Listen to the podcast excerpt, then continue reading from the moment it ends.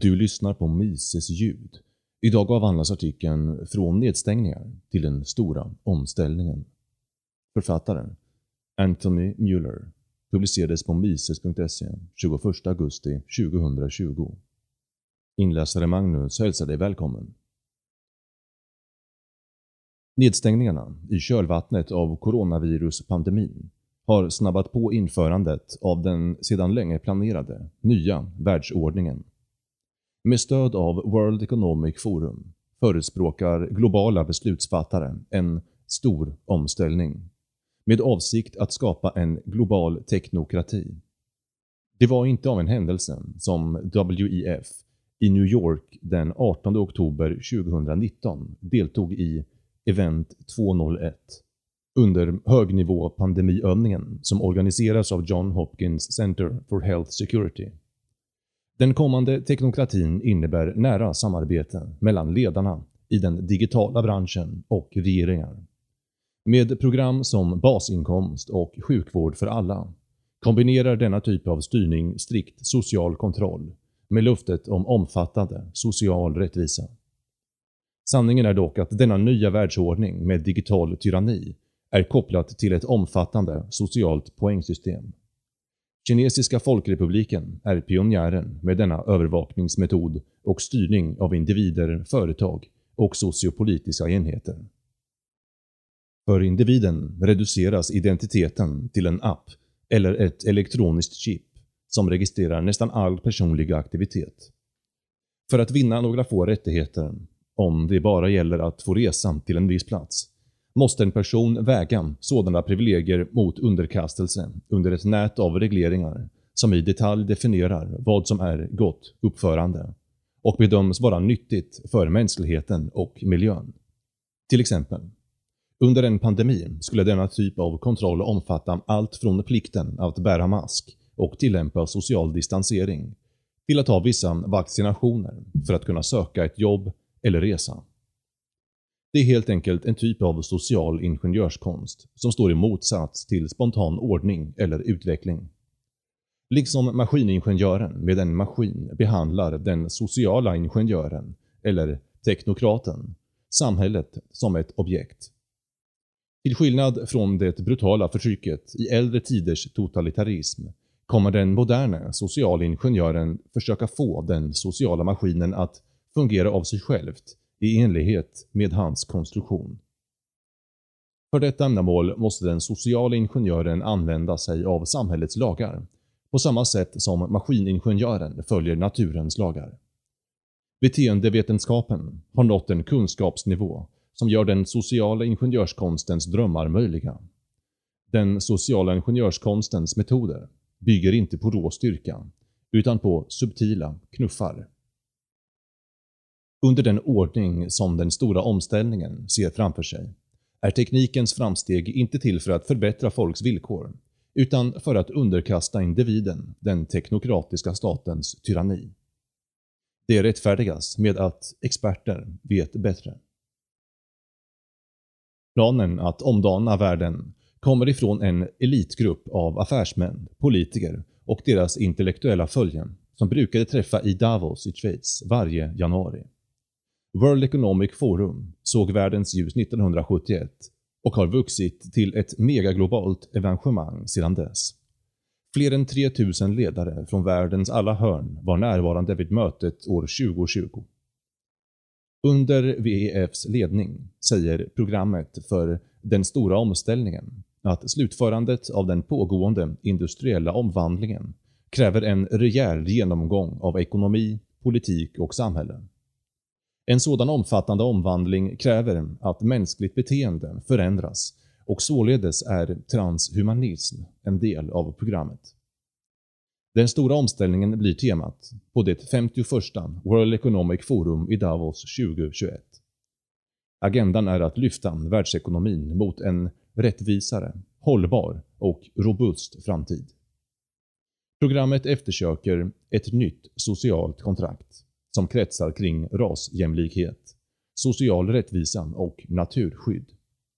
Klimatförändringar kräver att vi avkoldioxidifierar ekonomin och sätter mänskligt tänkande och beteende i harmoni med naturen. Målet är att bygga mer jämlika, inkluderande och hållbara ekonomier.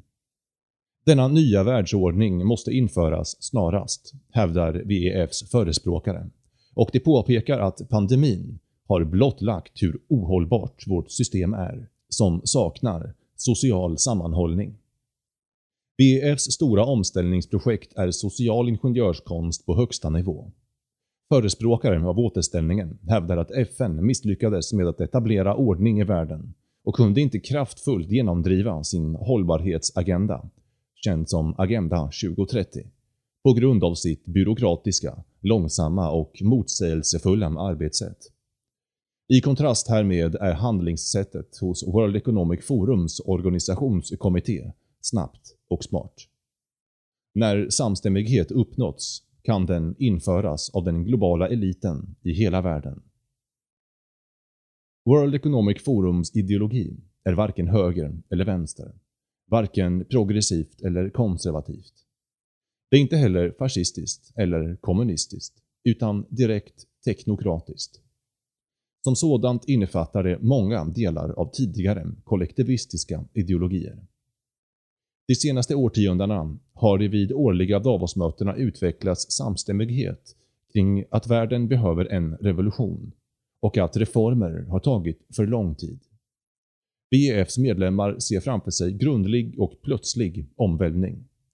Tidsramen ska vara så kort att de flesta knappt hinner uppfatta att en revolution är på gång. Förändringen måste vara så snabb och dramatisk att de som uppfattar revolutionen inte hinner mobilisera sig emot den. Grundidén med den stora omställningen är samma som vägledde de radikala omvandlingarna från den franska till de ryska och kinesiska revolutionerna. Det är konstruktivistisk rationalism som förkroppsligad i staten. Men projekt som den stora omställningen lämnar frågan om vem som styr staten obesvarad. Staten själv styr inte. Det är en maktapparat. Det är inte den abstrakta staten som bestämmer utan ledare i specifika politiska partier och i vissa sociala grupper. Tidigare totalitära regimer behövde massavrättningar och koncentrationsläger för att upprätthålla sin makt. Idag med hjälp av nya tekniker tror man att avvikare lätt kan identifieras och marginaliseras. Nonkonformisterna kan tystas genom att diskvalificera avvikande åsikter som moraliskt förkastliga. Nedstängningarna år 2020 kanske ger en försmak om hur detta system fungerar. Nedstängningarna fungerade som om de hade orkestrerats. Och kanske var det så. Som på ett enda kommando införde ledarna för små och stora länder i olika stadier av ekonomisk utveckling nästan identiska åtgärder. Inte bara handlade många stater unisont. De införde dessa åtgärder utan hänsyn till de fruktansvärda konsekvenserna av en global nedstängning. Månader av ekonomiskt stillestånd har förstört den ekonomiska grunden för miljontals familjer. Tillsammans med social distansering har nedstängningen gjort så att massor av människor inte kan ta hand om sig själva. Först förstörde regeringar upphället. Sedan dök politikerna upp som frälsare. Behovet av socialt bistånd är nu inte längre begränsat till vissa grupper, utan har blivit ett behov hos massorna. En gång i tiden var krig statens näring. Nu är det sjukdomsskräck. Framför oss ligger inte en mysig, välvillig, allomfattande välfärdsstat med garanterad minimilön och sjukvård och utbildning åt alla. Nedstängningen och dess konsekvenser har gett smakprov på vad som kommer. Ett ständigt skräcktillstånd, massiva jobbförluster och ett växande beroende av staten. Med åtgärderna som vidtagits i coronaviruspandemins kölvatten har man tagit ett stort steg fram mot omställningen av världsekonomin. Utan folkligt motstånd kommer pandemins slut inte innebära slutet på nedstängningen och social distansering. För tillfället har dock motståndarna till den nya världsordningens tyranni fortfarande tillgång till media och plattformar för avvikande åsikter. Men tiden närmar sig sitt slut. Förövarna av den nya världsordningen har blodvittring. Att coronaviruset klassades som pandemi kom lägligt för att föra fram agendan för den stora omställningen. Enbart massivt motstånd kan bromsa och slutligen stoppa den tyrannistiska teknokratins maktutbredning.